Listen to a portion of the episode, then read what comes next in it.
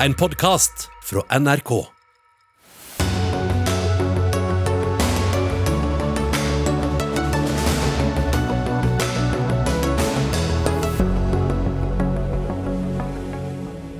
Systemet for koronatesting fungerer ikke godt nok, sier forskere i Trondheim, som foreslår å teste alle store husstander. For arbeidskrevende, svarer helsemyndighetene. Sakprosaforfattere mener seg urettferdig behandlet. Prisdryss er ingen garanti for å bli kjøpt opp av Kulturrådet, og dermed få plass på bibliotek. Høye topplederlønninger i Utdanningsetaten i Oslo kommune får krass kritikk. Skolebyråden kommer til Dagsnytt 18 for å svare. Flere privatpersoner samler inn penger til ny hjertemaskin i ambulanser. Ambulanseforbundet krever nasjonale retningslinjer, men regjeringen sier det er opp til helseforetakene. Ja, Velkommen til Dagsnytt 18 i kveld, der vi også skal en tur til USA og snakke om koronatiltakene for permitterte. Jeg heter Anne Katrine Førlie. Ja, Vi begynner denne sendingen med koronatestingen, for i disse dager er det mange som tester seg. Men koronatestingen kunne vært mye bedre. Det hevder en forskergruppe ved NTNU i Trondheim. Gruppa mener at den selv har foreslått et langt bedre testregime enn det helsemyndighetene bruker i dag.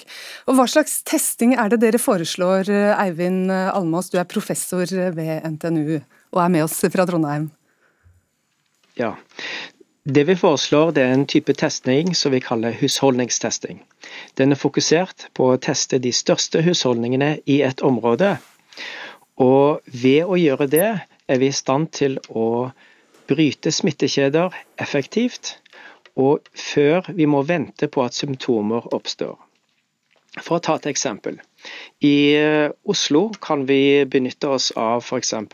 15 000 tester av de største husholdningene, dvs. Si husholdninger fra størrelse 5 og opp, testes én gang ukentlig, og det vil bringe ned R-tallet til rundt 1 eller litt under. Ja, Så du mener altså at alle husstand, eller de som har flere enn fem personer, skal da testes uavhengig om det er oppdaget uh, smitte der?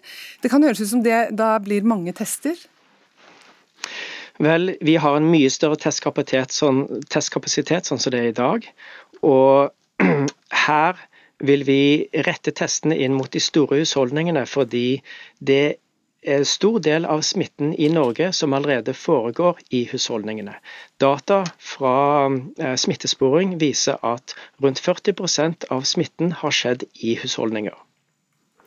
Vi har eh, med oss eh, Espen Rostrup Nakstad, assisterende direktør i Helsedirektoratet her i studio. Dette her høres jo ut som en god metode. Hvorfor har dere ikke heller innført denne metoden her for testing tidligere?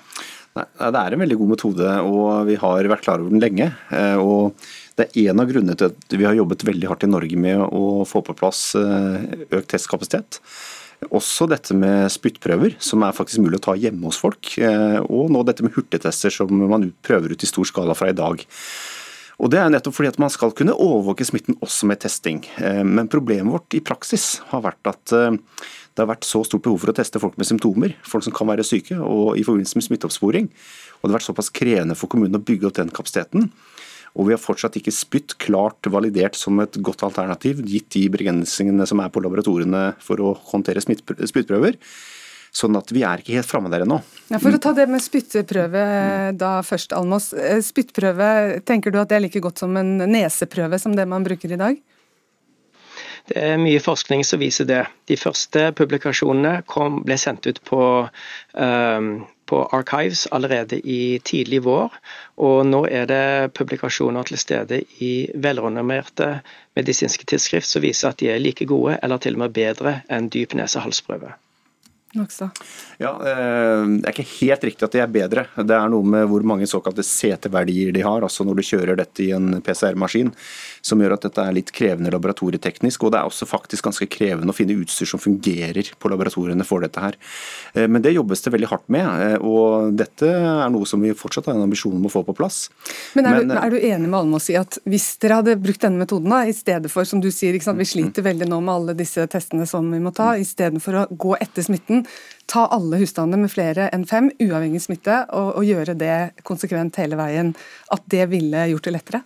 Hvis vi hadde hatt den kapasiteten som vi har nå, på 100 000 tester, og hadde innført det tidlig i pandemien eh, systematisk, og vi hadde mange tusen ansatte i de største kommunene som kunne gjøre den jobben, i tillegg til de som driver med smittesporing, da kunne vi gjort det. Men du, Så det du sier er at det er for arbeidskrevende, rett og slett? Ja, Det er det som er hovedproblemet her, at det krever veldig mye ressurser. Men eh, vi tror at det er mulig å kunne teste dette f.eks. spisset mot bydeler i en stor by, hvor det er mye smitte eh, og hvor det er en del husholdninger med mange som bor i hver husholdning, så kan dette være mulig å gjennomføre. Ja. Og Vi har tanker om det også, som vi kan gjøre i samarbeid med Trondheimsmiljøet, absolutt. Men da er vi litt avhengig av enten å kunne bruke hurtigtester i stor skala, ved oppsøkende virksomhet, eller å kunne bruke spytt som folk da tar selv, en sånn prøve, og leverer den på et sted for å forenkle logistikken. Men eh, matematikken i det er veldig god. Mm. Du får, eh, får kred her for det fra Nakstad Almås, men han sier at det er for arbeidskrevende. Hva, hva tenker du om det? Da må jeg si at jeg er ikke helt enig i hvordan han beskriver situasjonen med at det skal være så arbeidskrevende. Klart at vi er nødt til å bygge opp en infrastruktur, men testinfrastrukturen er på plass. Det som er utfordringen, det er å få testprøvene fra hjemmene og til analysestasjonen. Vi har hatt eh, et halvår hvor det er mulig å bygge opp en sånn type infrastruktur, og det er fremdeles ikke for sent. Vi kan sette i gang med å gjøre det nå. Hvor ofte må disse familiene teste seg?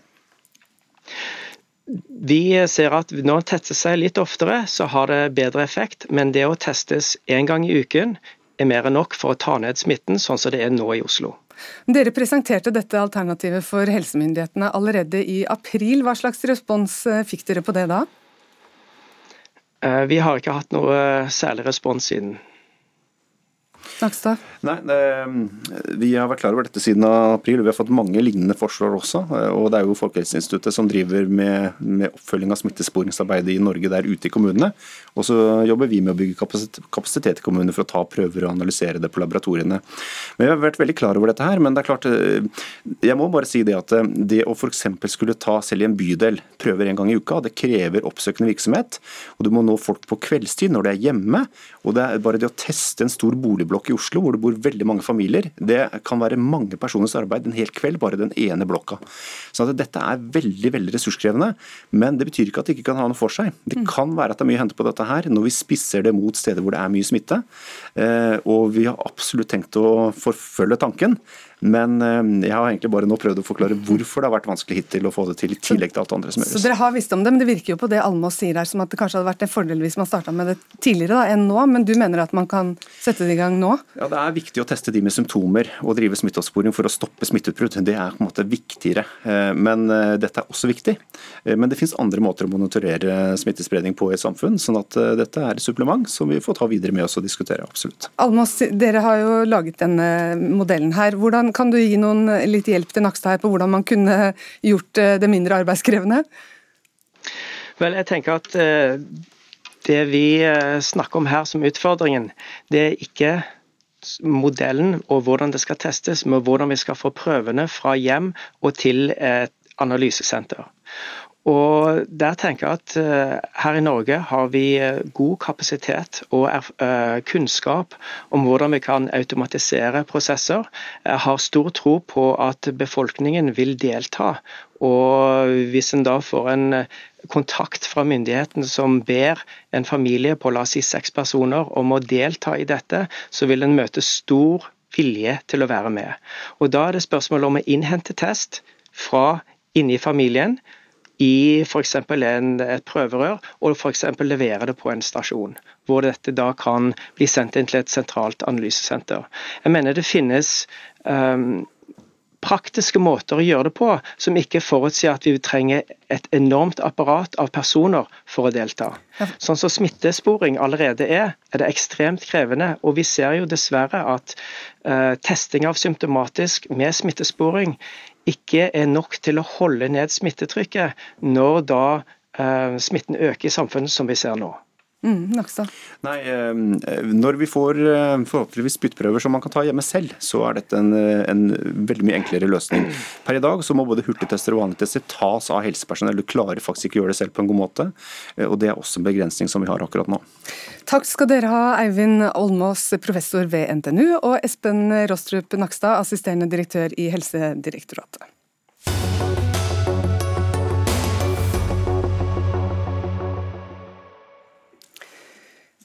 Til de økonomiske konsekvensene av koronakrisen. Fra og med i går måtte alle igjen tjene rundt 150 000 kroner for å ha krav på dagpenger. Og fra nyttår kan ordningen med at permitterte får en høyere prosentandel av lønna, slik de har fått under koronakrisen, også forsvinne. Og Arbeiderpartiets nestleder Hadia Tajik sier til Klassekampen i dag at dette er en omvendt julegave fra regjeringen. Hun er ikke med her, men det er du, Terje Aasland, næringspolitisk talsperson for Arbeiderpartiet. Hva mener dere med at det kommer en omvendt eh, julegave?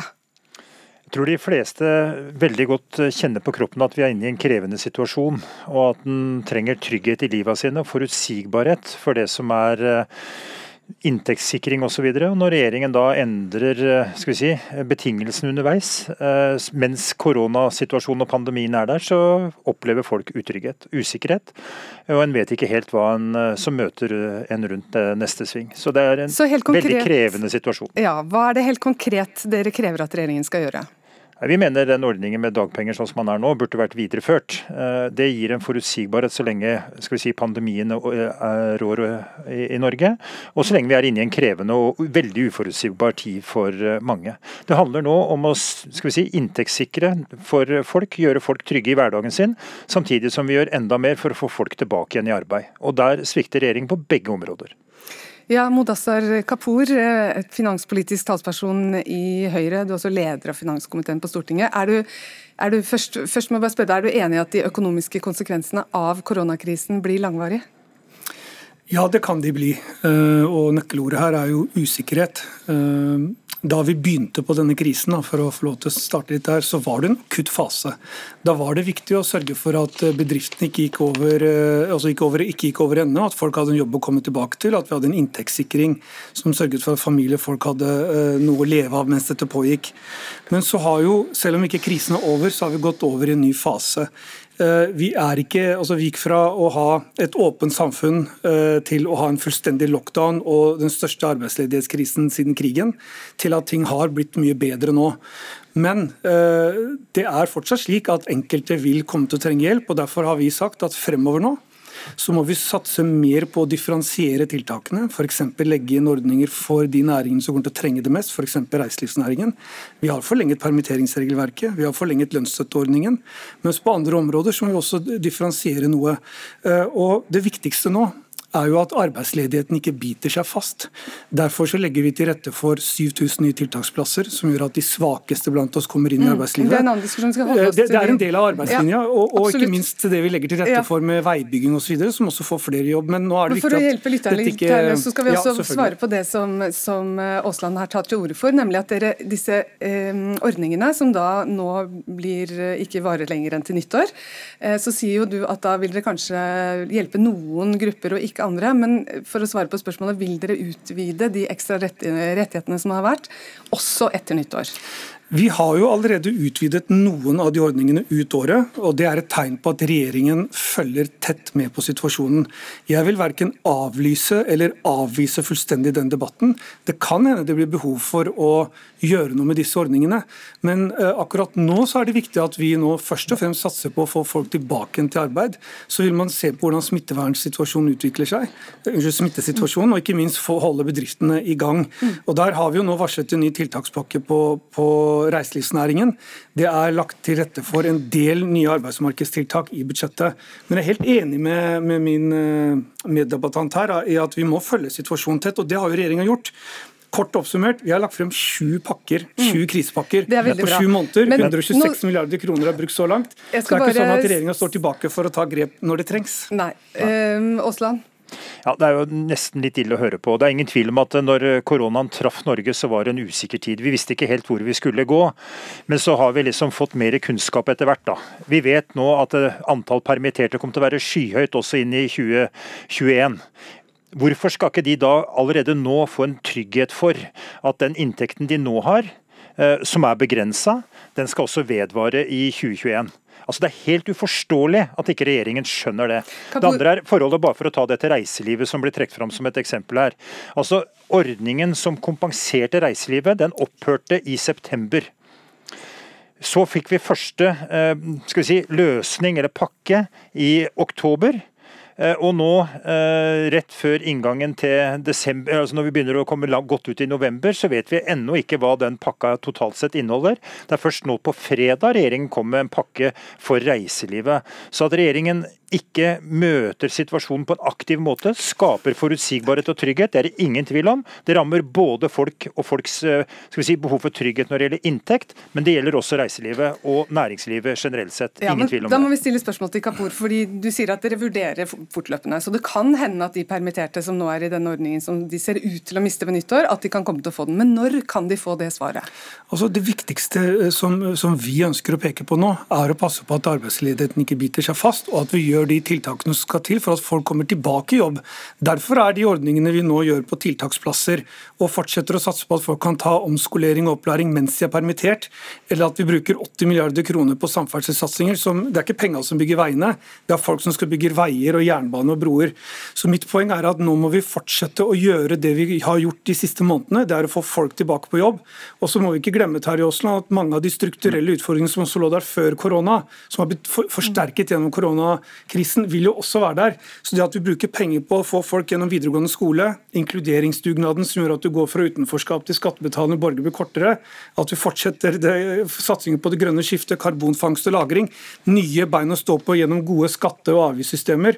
Blant annet så vet vi at er det én ting norske bedrifter nå virkelig ber om, så er det jo å ha en forutsigbart skattesystem som gjør det lønnsomt å fortsette å være norsk eier. Det har jo Arbeiderpartiet angivelig tenkt å reversere. Men jeg tror egentlig ikke at vi, jeg tror ikke vi greier å løse koronakrisen gjennom valgkampslagord. Jeg syns at noe av det beste som har skjedd i denne koronakrisen, er at Stortinget har funnet sammen om de lange linjene. Og jeg vil oppfordre Terje Aasland til å lytte til det vi sier, og ikke, og ikke uh, tolke oss i verste mening. Jeg har faktisk pekt på en rekke ordninger som vi har fortsatt med. Og Hvis vi kan gå over fra valgkamppregede slagord til en seriøs debatt om situasjonen vi står i, det, det, så vil, vil også folk Kapur. kjenne på en Men Jeg må bare ta med ett tall her som vi må ha med oss på veien, Terje Aasland. Fordi På det meste så var det 300 000 permitterte og arbeidsledige under koronakrisen. Nå er tallet fra Nav nede på i overkant av 100 000. Er det ikke riktig med noen nye virkemidler også da?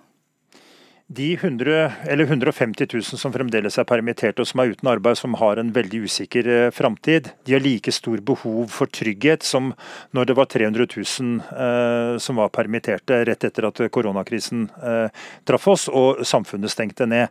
Det å gi trygghet for folks inntekter i en krevende tid er helt vesentlig. At dette blir tolka av Høyre som valgkampslagord, ja det får stå for Høyres egen regning. Det mener jeg er totalt useriøst.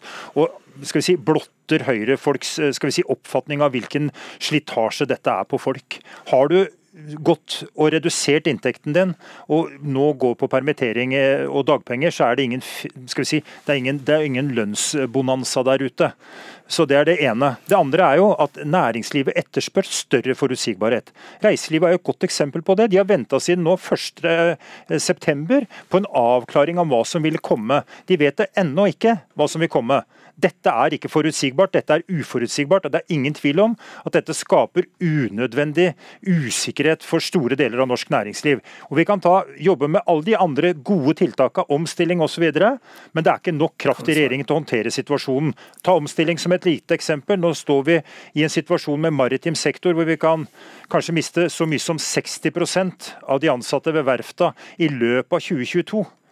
Hva gjør regjeringen? Ingenting. Ja, det var mange eksempler fra deg, Aasland. Men Kapur, du skal få en siste mulighet her til å nettopp uh, si til de permitterte uh, hva dere tenker og hvordan Der dere vil hjelpe dem framover. Der er den viktigste beskjed at regjeringen har lagt frem sju krisepakker så langt, og er villig til å legge frem flere dersom det er behov for det. Vi følger situasjonen tett i dialog med partene i arbeidslivet, så ingen trenger å være redd for at regjeringen ikke følger med.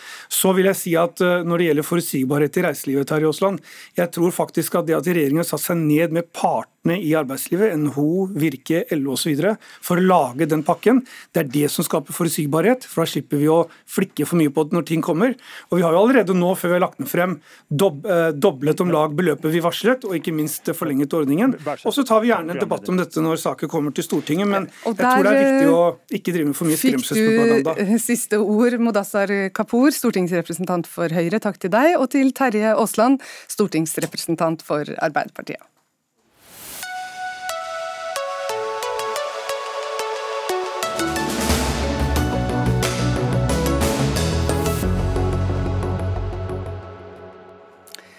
Det er dagen før dagen i USA, og i dag kom beskjeden om at 95 millioner amerikanere allerede har forhåndsstemt. Det er mer enn noen gang. Men samtidig blir det altså da meldt om uro flere steder. Og vi har med oss deg, USA-korrespondent eh, Anders Magnus, du er i Washington. Mange frykter uroligheter nå, eh, noen frykter til og med borgerkrig. Hvilke tegn til uro ser du der du er? Akkurat nå er det få tegn til uro. Det er noen steder i det store landet, selvfølgelig. Men eh, jeg tror nok de fleste ser på dette som eh, stille før stormen, og at eh, man kanskje kommer til å oppleve uroligheter allerede fra i morgen, når valgresultatene begynner å komme inn. De tegnene vi ser på uro, er jo at hele 56% av amerikanerne frykter at det blir uro ved valget. Og mange ser nå vold som en legitim eh, løsning på politiske konflikter. Det er svært mange som har kjøpt seg våpen. 20 millioner nye våpen eh, den siste tiden. Og Det kommer i tillegg til de 400 millioner våpen som allerede finnes i dette landet. Og det er tomt for ammunisjon i våpenbutikkene. Så det er eh, mange som frykter at det, blir, at det kan komme til uro. Eh, først og fremst eh, de scenarioene som, eh, som, jeg har hørt har blitt regnet som mest realistiske, er at hvis Trump erklærer seier tidlig, f.eks. allerede i morgen, så kan det bli store demonstrasjoner. Det er mange som har sagt at de vil demonstrere mot Trump. Hvis det skjer, kan man se at grupper som støtter Trump, kommer inn til byene og kommer i konflikt med disse grupperingene. Det er vel kanskje det aller verste scenarioet man kan se for seg. Ja, og President Trump har jo sagt at han vil sette advokater i arbeid under valgnatten. Hva sier han nå om det å akseptere valgresultatet? Han har jo tidligere sagt at hvis han taper, så er den eneste grunnen til det at det har foregått eh, valgfusk. Det er jo en ganske skremmende uttalelse, og han har jo ikke gått tilbake på det senere. Det er rapporter eh, fra de som har nære kontakter med hans kampanje, som sier at eh, Trump eh, planlegger å gå ut ganske tidlig på kvelden i morgen og erklære valgseier hvis han f.eks. vinner Florida eller andre viktige delstater, før alle stemmene er talt opp. Og Er det noe vi vet ved dette valget her, så er det at alle stemmene kommer ikke til å være talt opp i eh, morgen, fordi det er f.eks. i Pennsylvania, som er en veldig viktig vippestad, så begynner de ikke å telle eh, forhåndsstemmene, de som er postlagt, før i morgen etter at valglokalene har stengt. Og de har eh, lov til å ta imot stemmer der inntil tre dager etter valgdagen. Så her kan det bli mye uro hvis eh, Trump går ut og erklærer seieren så tidlig som noen sier at han tenker å gjøre. Jeg blir, med litt, blir med litt videre, Anders Magnus, for vi skal ta inn også Vegard Tenhold Aase. Du er forfatter og ekstremismeekspert, og befinner deg i Brooklyn. Du sier at dette kommer til å bli en stor test for USA. Hva er det du først og fremst tenker på? Nei, Det er jo veldig mye nytt ved dette her valget. Altså, ikke minst har dette vært et, et, år fullt av uroligheter, der det har blitt nesten dagligdags med, med mennesker som er væpnet til tennene i gatene. Vi har hatt mennesker som har mistet livet i demonstrasjoner. Vi har sett uh, kidnappingsplott mot sittende guvernører. Og ikke minst så er det midt i en koronapandemi. Så dette her er veldig mange ukjente Eh, faktorer som spiller inn i dette her landet. her, og Ikke minst har vi en, en, en president som, som, Anders Magnus sa, eh, ikke er helt villig til å, til, å, til å, anerkjenne at det kan være en taper på legitimt vis. Så jeg tror dette her kommer til å bli en enorm test for, eh, for institusjonene her i USA, og ikke minst tilliten som, som folket har til, til sine institusjoner og sine ledere. Ja, Joe Biden avlyste jo et uh, valgmøte i Austin, Texas uh, fredag, etter at en av bussene ble omringet av biler med Trump-tilhengere. Hvor sannsynlig er det at noen av disse gruppene her kommer til å lage bråk når valget er avgjort? Eh, det kommer selvfølgelig an på utfallet, men jeg tror det at hvis vi har lært noe i løpet av dette siste året, er at vold til enhver tid ligger veldig tett opp til, eh, til, til overflaten her i USA, og av og til så bobler det over. Og vi ser det at det er jo ikke bare ekstremistgrupper som, som står bak vold, men også her i dette tilfellet der det var vanlige, om, om, man kan bruke et sånt ord, uh, uh, Trump-tilhengere som, som, som, truet denne bussen nærmest av veien, og, og, og Trump i ettertid uh, viste sin støtte til dem. Så, så, jeg tror det at det er veldig veldig stor sjanse for at vi ser vold nå i de nærmeste ukene fremover. Ut fra din kunnskap om disse gruppene, hvordan organiserer de seg nå før, dagen før dagen? De, de, er jo et litt sånn, Det virker som de er litt på vent, rett og slett. Vi hadde jo den første debatten, den første presidentdebatten hvor Trump sa 'stand back and stand by' til, til denne høyreekstreme gruppen Proud Boys. Og Det virker som om de, de lytter til det, og de venter på at et eller annet skal skje, et eller annet skal smelle i morgen eller, eller dagen derpå. Og jeg tror det er igjen, som, som Anders Magnus sa, at den største faren vi ser, er at store demonstrasjoner tiltrekker seg ekstremister som, som, som, som kommer væpnet. Vi har hittil ikke sett eksempler på ekstremister som skal møte opp ved valgurnene og, og, skal true. Men jeg tror det at i den grad det blir uroligheter i, den, i gatene, så kommer ekstremister absolutt til å ta del i det. Anders Magnus, vi må høre. Hva sier målingene nå om hvem som ligger an til å vinne valget? De fleste målingene tilsier jo at Biden vinner, men jeg eh, tror at vi eh, har eh, mye igjen å vente her.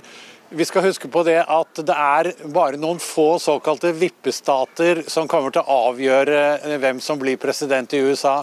Og I Florida, som er en veldig viktig vippestat, så ligger det veldig jevnt nå.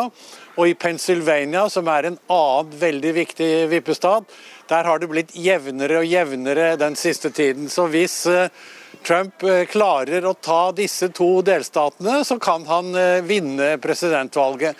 Så det er ingenting som er sikkert ennå. Det er altfor usikre meningsmålinger. Det er altfor store feilmarginer ved meningsmålingene til at vi kan si at Biden kommer til å vinne dette valget.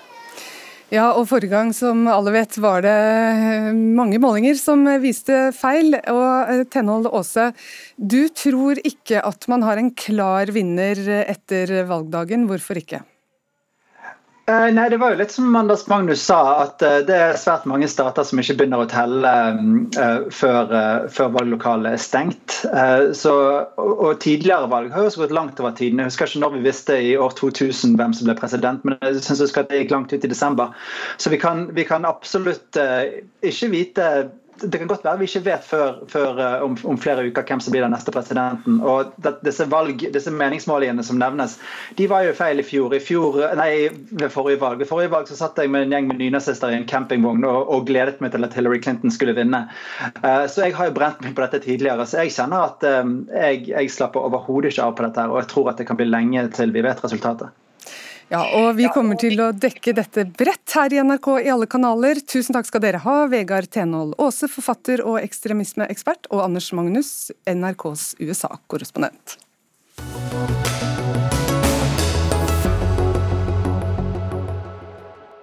Mens lærerne har måttet nøye seg med moderasjon i årets lønnsoppgjør, er det noen som kaller det lønnsfest for topplederne i Utdanningsetaten i Oslo kommune. Det viser Dagbladets avsløringer de siste dagene. Og utdanningsdirektør Marte Gerhardsen og byrådet får kritikk for at flere millioner kroner går til høyere topplederlønninger, konsulentbruk med mer. Det er forkastelig og en provokasjon, sier lederen for Skolenes landsforbund i dag dag. Og skolebyråd i Oslo, eh, Inga Marte Torkelsen. Hvordan kan det ha seg at mens lærerne da ble bedt om moderasjon, så fikk topplederne i Utdanningsetaten, som i snitt da ligger på 1,1 million kroner i inntekt, bare i august en lønnsøkning på opp mot 14% ja, eh, det skyldes nok at eh, man så, så seg litt blind på en omorganiseringsprosess som da eh, medførte at noen fikk bl.a. økt ansvar. Og Så ser jo da lærerne på dette, og så tenker de ja, men vi har da saktens fått økt ansvar, vi òg. Selv om det ikke har blitt formelt økt, så har det reelt økt voldsomt, for de har stått på som noen helter gjennom hele koronaen. Og dermed så gikk det sånn. Og så har vi da sett på dette systemet med administrative vedtak av lønnsøkninger. Eh, og sånn som det har vært i etaten i alle år, eller i hvert fall i veldig mange år, eh, så har det ligget til direktøren å fatte disse vedtakene. Og så har de vært presentert for fagforeningene etterpå til orientering to ganger i året. Og nå har vi bestemt at uh, istedenfor å gjøre det på den måten, så skal det legges fram som en innstilling. Og det betyr at fagforeningene da får muligheten til å sette ned foten. Og det er en makt som fagforeningene nok, nok, eh, i hvert fall så vidt meg bekjent, aldri har hatt før i Utdanningsetaten, og det tenker jeg er et gode og en bra ting ved denne debatten. Så du er enig med lærerne i at denne lønnsfesten skulle ikke direktørene og lederne hatt? Ja, jeg er helt enig i det, og jeg har også lyst til å legge til at uh, vi har jo tatt tak i dette her. fordi at uh, vi har sett litt tilbake nå da, nå sitter jo jeg her med en motdebattant som tilhører et parti som har vært i byråd før oss. Eh, og det har vært viktig for meg å se ok, hvordan var det før og hvordan er det nå. for man kan jo få inntrykk av at vi har bare sittet med hendene i fanget og ikke gjort noen ting. Så man kan jo bli helt nervøs når man leser Men det har vært en, en klar økning nå har, i det siste? Så, ja. nei, nei, men det har vært en endring. for mm. at, uh, Noe av det som bl.a. har uh, skjedd som en endring, det er at fra 2010 til 2015, før det rød-grønne byrådet kom til, så var det en økning i topplederen, altså direktørens lønninger, på 19,7 så overtok vi i 2015, og de siste fire åra har den økt med 3,5% Og Det er vesentlig mindre enn det andre har fått. Vi har også sett på lønnsøkninga totalt for mm. toppledere i kommunen, og den er lavere i prosent enn den har vært for andre ansatte. Men så er det også flere ting som har skjedd nå i høst rundt både konsulenter og lønnsøkning for lederne. Og eh, jeg legger merke til at Du sier at dette ikke er bra, men det er mange lærere da som lurer på om lønnsøkningene og bruken av konsulenter eh, og pengebruken rundt det, om det kan bli reversert? Nei, jeg har lyst til å si Når det gjelder konsulenter, først, for at man får inntrykk av at det også har økt, og det er ikke tilfellet. Um, nå er det sånn at, Men dere syns eh, at konsulentbruken har vært for høy? Ja, men eh, bare for å se litt tilbake, for jeg syns vi skal sette litt i perspektiv og ikke kjøpe alt hva Dagbladet skriver heller.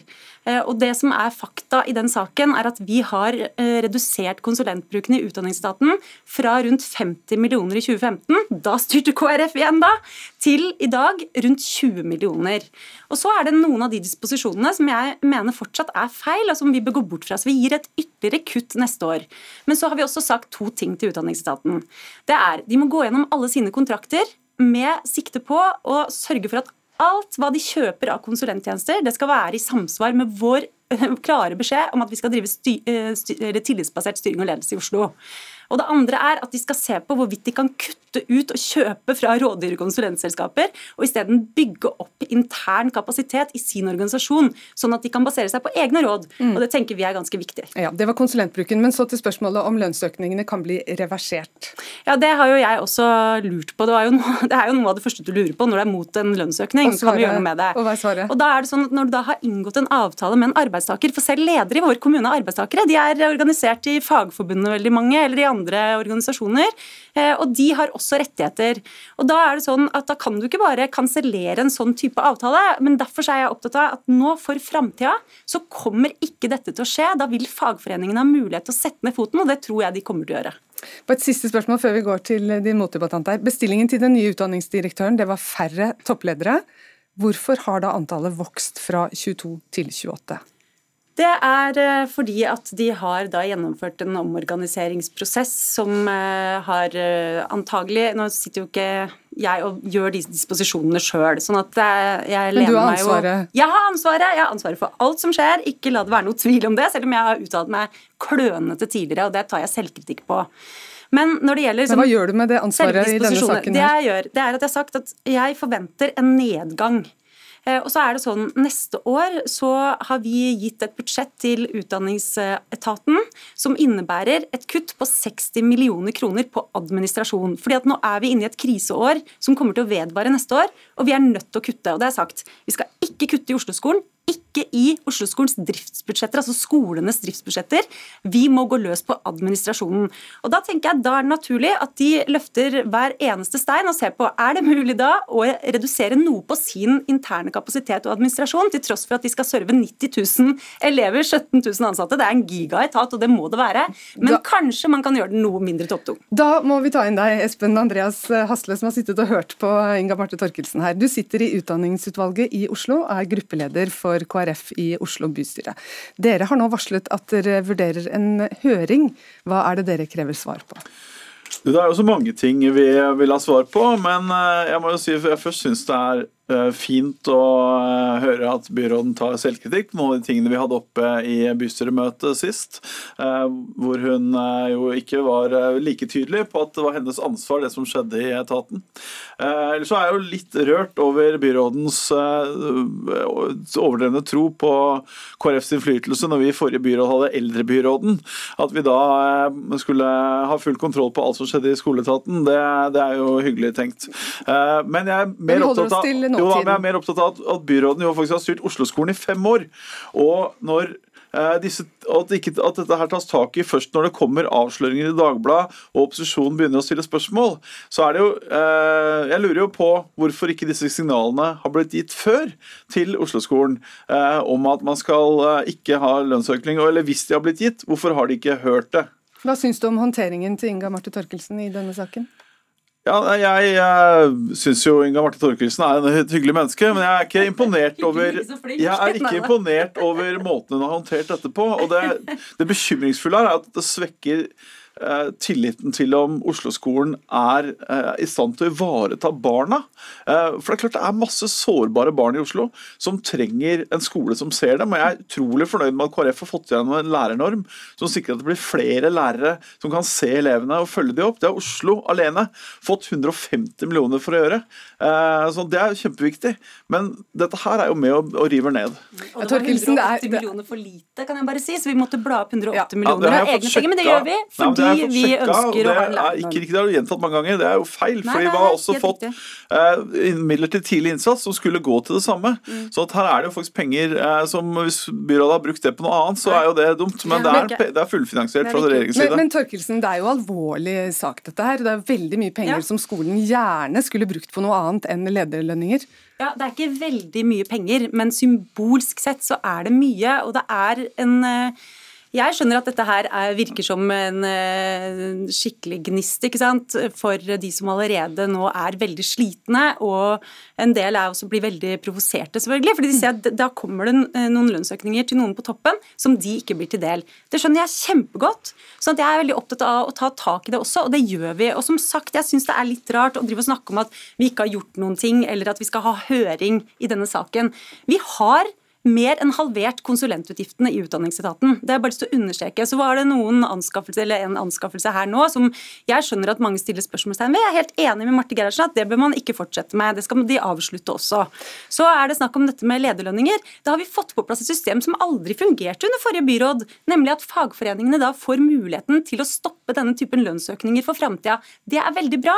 Og så regner jeg med også at eh, representanten fra KrF er enig med meg i at det er bra at vi skjermer driftsbudsjettene budsjettene til skolene neste år, og at vi sikrer at de kuttene som kommer, de skal komme på administrasjon, som gir en mulighet nettopp til å trimme den organisasjonen, da, hvis man tenker at det er nødvendig, og det tror jeg. For all del, vi er ikke uenig i det, men jo, altså noe av det som skjer her, er jo at dette kommer på toppen av en rekke andre saker vi har hatt om Oslo-skolen det siste året og halvåret. Eh, Mobbeombudet meldte i desember 19 eh, om bekymring på oppfølgingen på læringsmiljø og mobbing i Oslo-skolen.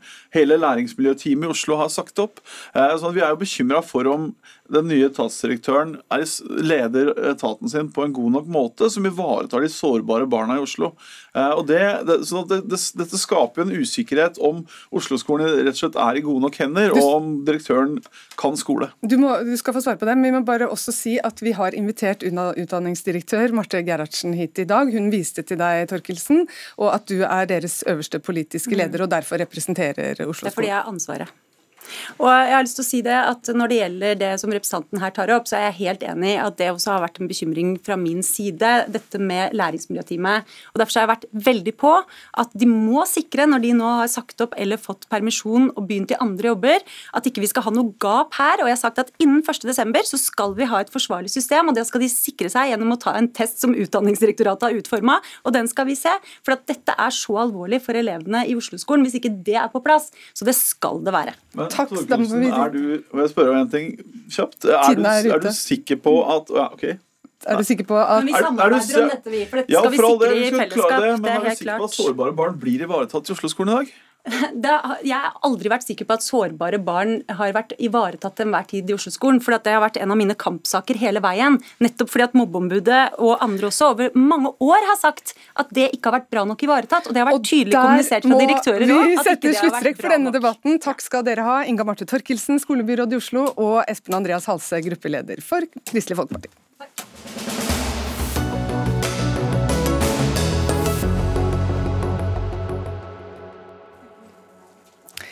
Over hele landet samler privatpersoner inn penger for å få eh, hjertemaskinen Lucas inn i sin lokale ambulanse. Maskinen som kan utføre hjertekomprimering på pasienten mens ambulansen kjører, er et ønsket verktøy hos ambulansetjenesten.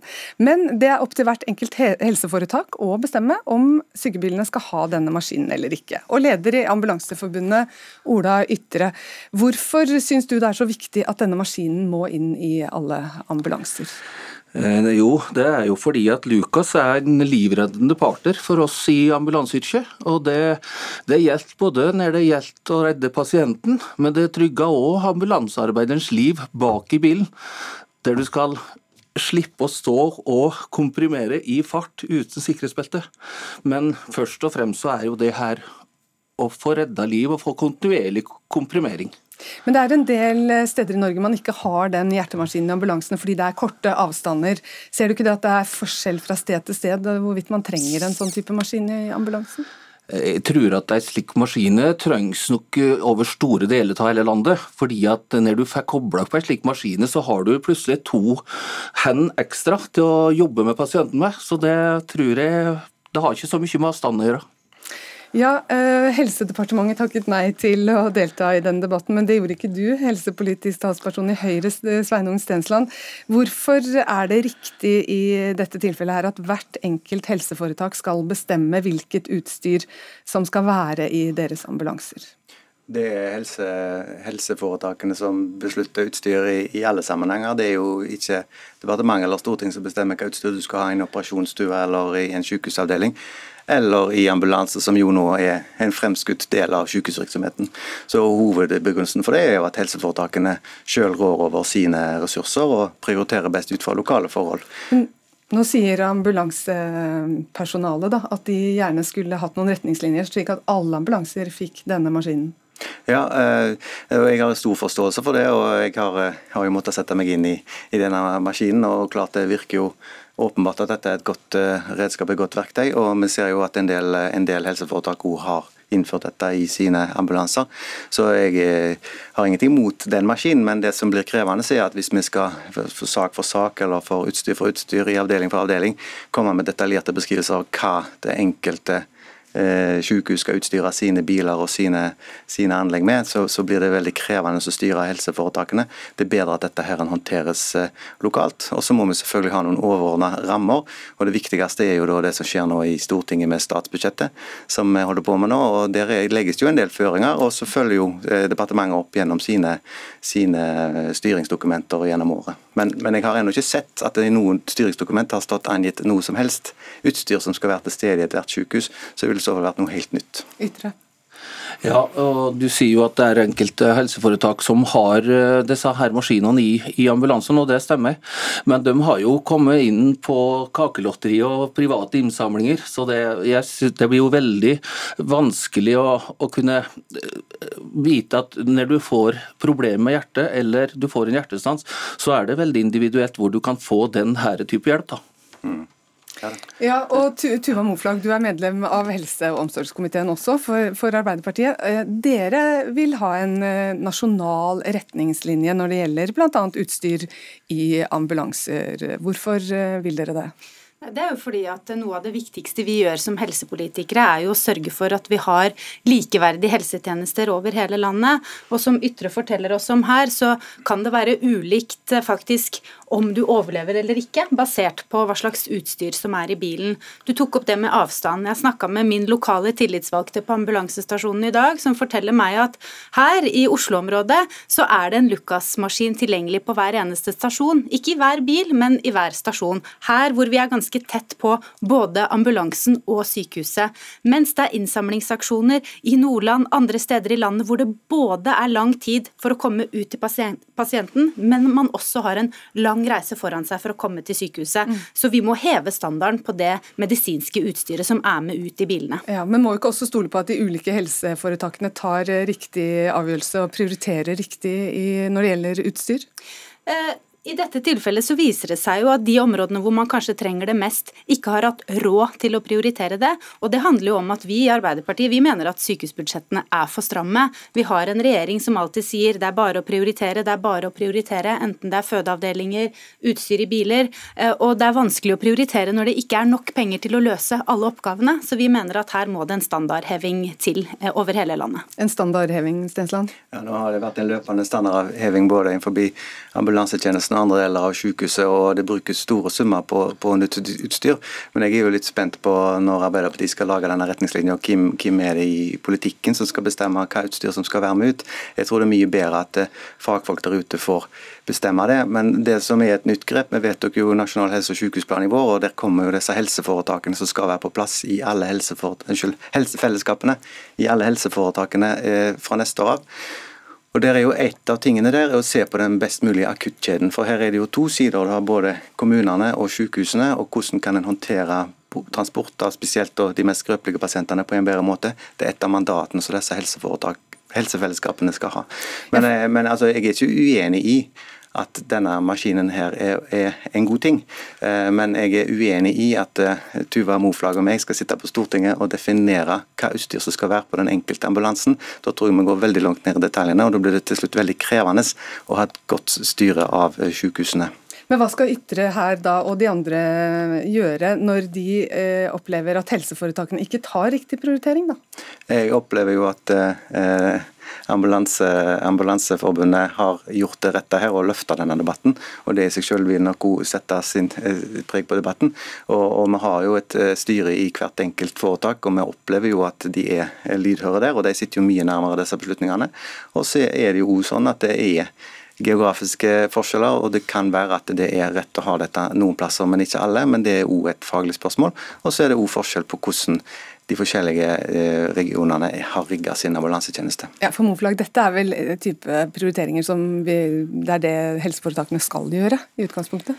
Ja, det er klart, men oppgaven til oss på Stortinget er jo også å stille krav til kvalitet, til standarder. Og vi mener jo at vi skal ikke bestemme om den maskinen skal hete Lucas eller være et annet merke, men vi må stille krav til hva vi mener, eller hvilken standard vi mener at du skal bli møtt med når en ambulanse kommer ut for å hente deg. Vi vet jo at det er helsepersonell som vil være den knappeste faktoren eh, i helsetjenesten i åra fremover. Da må vi investere i utstyr som frigjør hender. Og vi har jo fått et bevis nå på at det ikke fungerer godt nok når det er sanitetskvinnene som sørger for dette enkelte steder. Ja, for det, det samles inn nå opptil 150 000 kroner mange steder, for det er det disse Lucas-maskinene koster, Ytre? Ja da, og det er jo mye penger. Og, men det du ser, eh, hvis du skal jeg prøver å prøve å se den hele linja.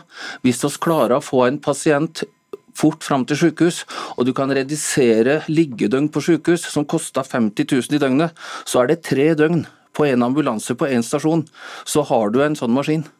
Så jeg tror det er viktig å se hele linja her. Da ser vi hele linja her, alle sammen. Takk skal dere ha, Ola Ytre, leder i Ambulanseforbundet, Sveinung Stensland, Høyres helsepolitiske talsperson, og Tuva Moflag, medlem av helse- og omsorgskomiteen for Arbeiderpartiet.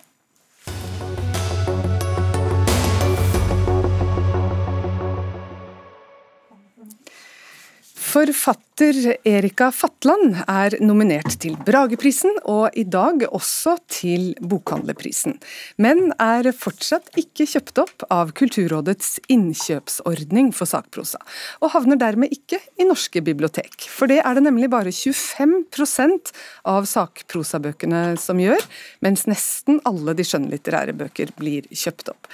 Og denne innkjøpsordningen er ren gambling, skriver flere forfattere i et innlegg i Aftenposten, og en av dem er deg, Erika Fatland.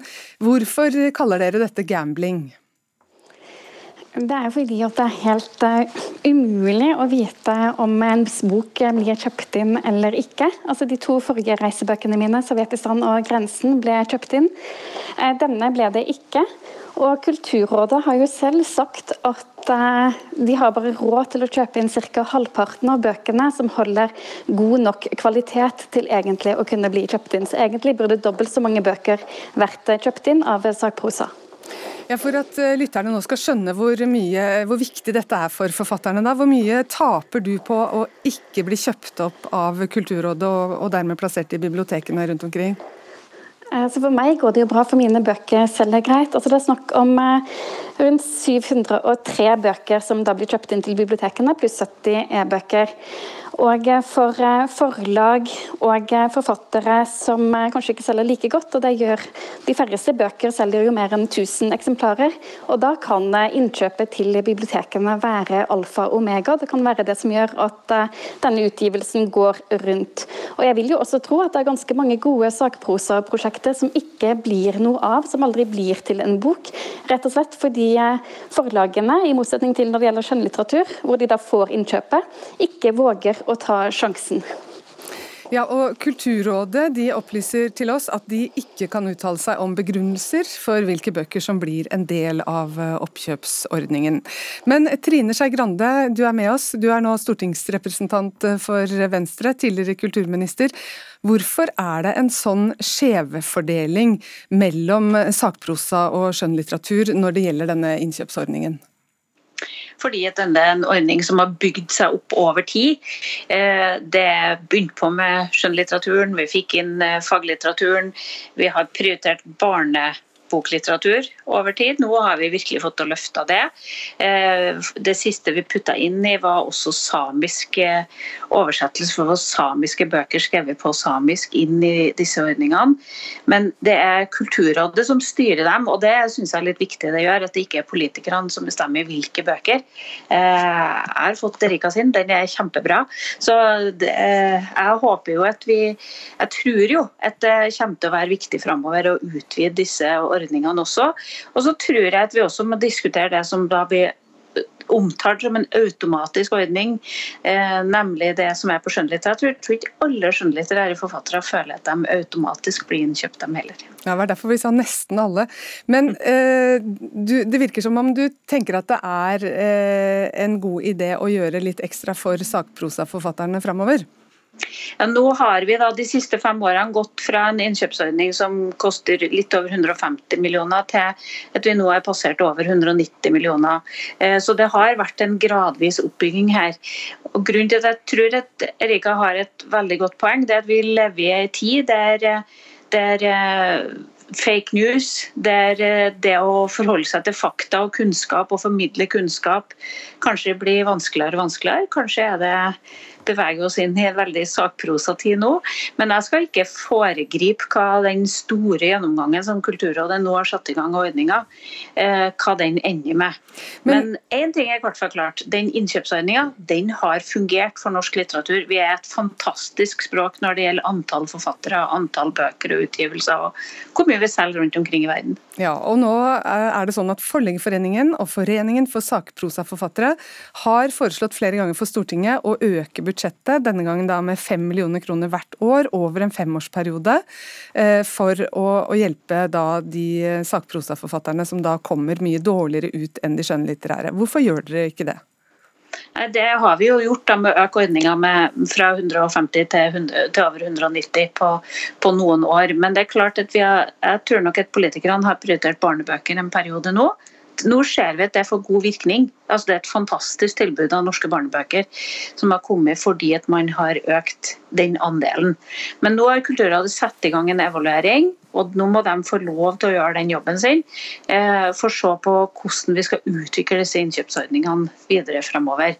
Eh, og det, det, er helt soleklart at sakprosene har ligget etter, for dette har vært tenkt som en ordning for skjønnlitteraturen. Eh, så ja, jeg ja. håper jo at dette kommer til å utvikle seg videre fremover. Ja, Flatland, hva tenker du om det du hører her nå? Det, det kan jo hende at det tar litt tid da, å få nye ordninger på plass? Ja, så Dette er jo lovende takter, og jeg liker jo godt det jeg eh, hører. Nå har det akkurat eh, blitt fremlagt en eh, rapport fra Høgskolen i Volda. og Det er denne rapporten som ligger til grunn for den evalueringen og gjennomgangen Kulturrådet skal ha. Og De konkluderer jo med å anbefale at innkjøpsordningen også for sakprosa bør gjøres automatisk. Både fordi det da selvfølgelig vil være et enormt løft for sakprosaen å gjøre hverdagen mer forutsigbar og lettere for eh, forfattere og forlag, men også for bibliotekene. fordi nå tar det ofte ganske lang tid før de får bøkene som blir kjøpt inn, siden denne ordningen da ikke er automatisk og de får ikke bøkene med en gang. Så ofte når de da faktisk får bøkene, så hender det jo at de allerede har kjøpt bøkene for eh, egne midler. Så denne ordningen fungerer ikke så veldig bra slik den er nå. Ja, Vi skal få med oss en tredjeperson her. Heidi Astlid, administrerende direktør i Forleggerforeningen. Hva skal til for å løse denne skjevdelingen da for sakprosaforfatterne? Akkurat nå så handler det jo rett og slett om eh, politisk vilje til å gjøre en større investering som er permanent for sakprosaen. Og Vi vet jo at sakprosaen får en viktigere og viktigere rolle i den tida vi lever i. Forlagene har, eh, utfører det samfunnsoppdraget vi har med faktisk å satse på sakprosa. Det har vært en vekst på sakprosa for voksne på 9 Eh, nå i september, og en vekst eh, for barnesakprosaen på 3% Det lover godt, og det svarer jo nettopp på de utfordringene med å ha eh, kunnskap som er viktig for samfunnsdebatten vår og samfunnsutviklingen vår. Men så er det en del forfattere som sier at men dere eh, forleggerne er ikke helt uten ansvar når det gjelder denne skjevfordelingen. fordi når det gjelder royalties, eller honorar, eller for, for forfatterne, så, så, er det sånn at sakprosaforfatterne får opptil bare 15% provisjon da, av salget, mens skjønnlitterære får opptil 20 Må det være en så stor forskjell hele veien her? Det har en naturlig eh, årsak, deriblant eh, at eh, innkjøpsordningen for sakprosa ikke har vært automatisk. Hvis den blir automatisk, ja så vil det også gi utslag for diskusjonen på hvordan forfatterhonoreringen skal være. Og så er det jo tre måter å finansiere forfatterskap på, i hvert fall. Det ene er forfatterstipend. Det er det forfatterforeningene selv som ordner opp i uh, ut ifra statlige bevilgninger. Og så er det forskudd som gis fra forlag, og så er det royalty, eller den andelen da, av salget. Og Hvis uh, innkjøpsordningen både automatiseres og styrkes også for sakprosa, ja, så vil det også skape noen andre rammebetingelser og eh, diskusjon om hvordan Eh, disse normalkontraktene som styrer eh, nettopp eh, royaltyen, skal være for også sakprosaforfatterne. Ja, det skal foregå i, i, forhandlinger og ikke her, for å si det sånn. Den er grei. Mm. Trine Skei Grande, det høres ut som en sånn automatisk oppkjøpsordning på innkjøpsordningen ville ordne mye her, da? Ja, jeg, jeg, vil også jeg vil si at den er ikke automatisk. Jeg tror det er mange skjønnlitterære forfattere som ikke føler at den er automatisk. Men, men, det jeg tror er viktig nå, er at Kulturrådet bruker all den informasjonen de har fått, til å se på hvordan vi skal styrke dette fremover. Fordi at vi lever i en tid der kunnskap disses, og der man ikke verdsetter kunnskap. Så jeg syns jo at det beste beste middelet vi har mot populisme og enkle løsninger, og dem som snakker ned dem som kan, og det er å spre mer kunnskap til flere. Men, men, politikerne har også en mulighet eh, nå i forbindelse med statsbudsjettet til nettopp å være med å gi hele innkjøpsordningen en permanent styrking, og da spesielt knytta til sakprosaen også. Kort kommentar på det, Grande. Ja, nå har kulturministeren satt i gang en stor gjennomgang av hele feltet for å sikre at dette blir målretta. Og da syns jeg for Kulturrådet skal få gjøre den jobben skikkelig. Hvis vi skal kjempe for kunnskap, så må vi også kjempe for kunnskap i Kulturrådet. Takk skal dere ha. Eh, Trine Skei Grande, leder eh, i Venstre, uh, unnskyld, stortingsrepresentant for Venstre. Erika Fatland, forfatter. Heidi Austli, administrerende direktør Forleggerforeningen. Denne Dagsnytt 18-sendingen går mot slutten. Dag Dørum hadde det uh, var ansvarlig for sendingen. Teknisk ansvarlig var Lisbeth Sellereite. Og i studio Anne Katrine Førli.